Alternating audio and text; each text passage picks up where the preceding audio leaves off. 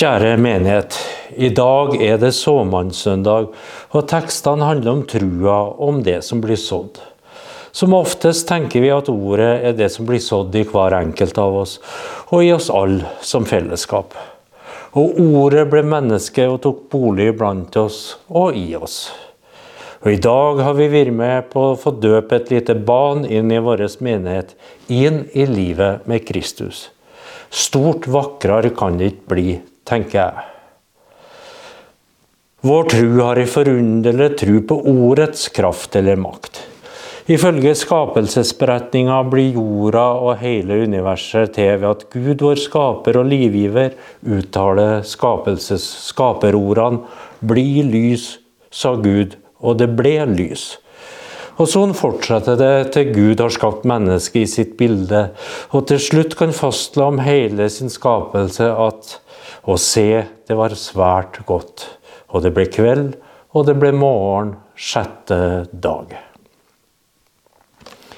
Og Bibelen er vår hellige skrift, ei samling med bøker og beretninger som handler om Guds samhandling med mennesket, om ordet som tok bolig blant oss, og som ble som oss. Om en kjærlighet som er sterkere enn døden, et håp og et løfte om at det her vil gjelde òg for oss, hver enkelt av oss. I vår lutherske tradisjon har vi ofte vektlagt ordet alene. Og da står trua på ordets makt kanskje enda sterkere her enn i andre kirkesamfunn. Jeg hører med til dem som mener at det noen ganger kan bli for mange ord, for mye løst prat, for mange harde ord og for mange dømmende ord. Fra morgen til kveld og langt på natt fylles ørene våre av en stadig strøm av ord, på radio og TV, i podkaster, på Facebook, i aviser og på arbeidsplasser. Overalt tyter det ut med snakk. Det er synergieffekter her, effektivisering der, det er organisering og reorganisering, analyser og småpludring, skjellsord og smisking, og det virker som det ikke har noen betydning hva, hva som blir sagt, bare det snakkes. Sant og usant er uvesentlig. Løgn har blitt til alternative fakta.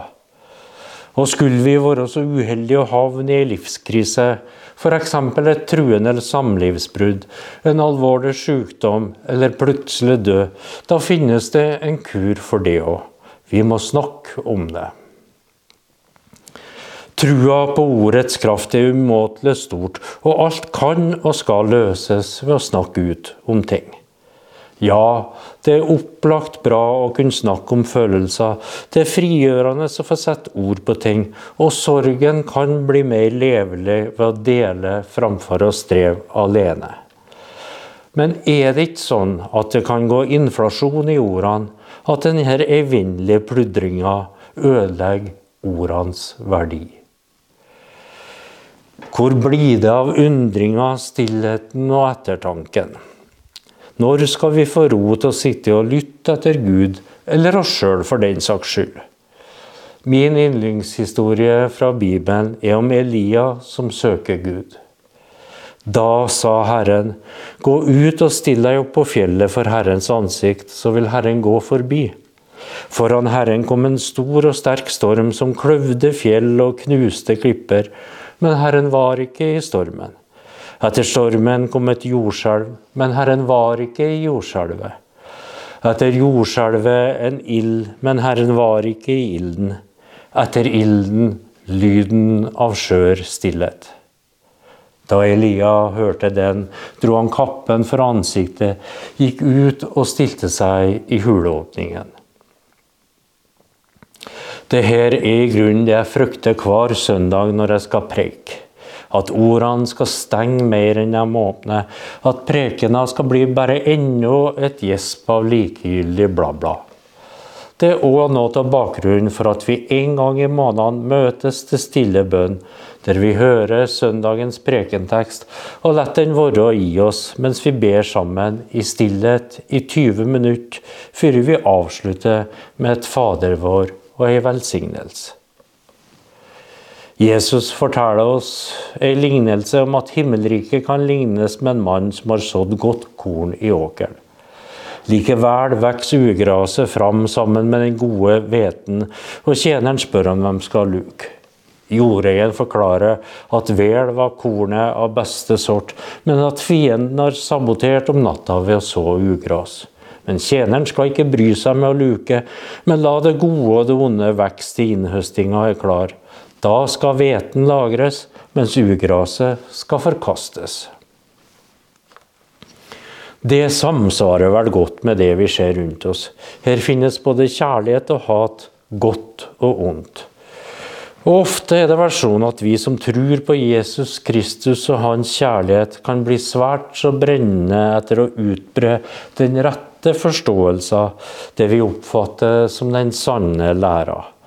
Det skal vi sjølsagt gjøre, men vi må vokte oss vel for å bli dømmende og fordømmende.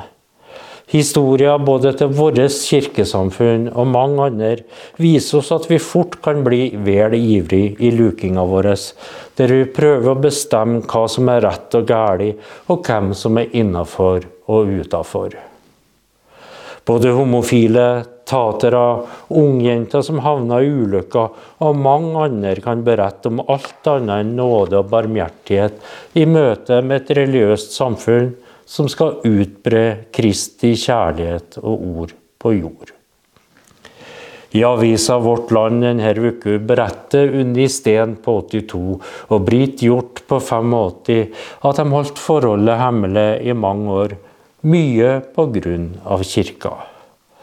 I 2020 fikk de endelig gift seg i kirka, men de forteller at de kristne kanskje var verst med pekefingeren. Det skjer altså i en organisasjon som sies å følge han som sa til kvinnen som var tatt i utroskap, heller ikke jeg fordømmer deg. Det skjer i et samfunn som mener å forvalte budskapet til han som levde og virka blant tollere og syndere. Vår jobb er ikke å fordømme, men å velsigne. Vi er kalt til å være Guds lys og kjærlighet i verden. Vi må prøve å overvinne vår hang til renhet, og husk at Han lar sin sol gå opp over onde og gode, og lar det regne over rettferdige og urettferdige. Så kommer dommen tidsnok, og du tenker kanskje at det var det jeg var redd for. Det tenker jeg òg noen ganger, men jeg finner stor trøst i at Gud er kjærlighet og barmhjertighet, og at Jesus har vist oss hvem han er. Heller ikke jeg fordømmer deg. Gå bort og synd ikke mer. Det beste vi kan gjøre, er å gi såkornet gode vekstvilkår. Det betyr å aldri la ryktet om Gud og hans kjærlighet forlate vårt liv.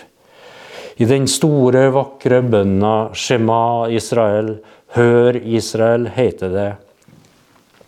Hør, Israel, Herren er vår Gud, Herren er én. Du skal elske Herren din Gud av hele ditt hjerte og av hele din sjel og av all din makt. Disse ordene som jeg pålegger deg i dag, skal du bevare i ditt hjerte. Du skal gjenta dem for dine barn og snakke om dem når du sitter i ditt hus og når du går på veien, når du legger deg og når du står opp. Du skal binde dem om hånden som et tegn og ha dem på pannen som et merke. Du skal skrive dem på dørstolpene i huset ditt og på portene dine. Du skal elske Herren din Gud av hele ditt hjerte, av hele din sjel, av all din makt.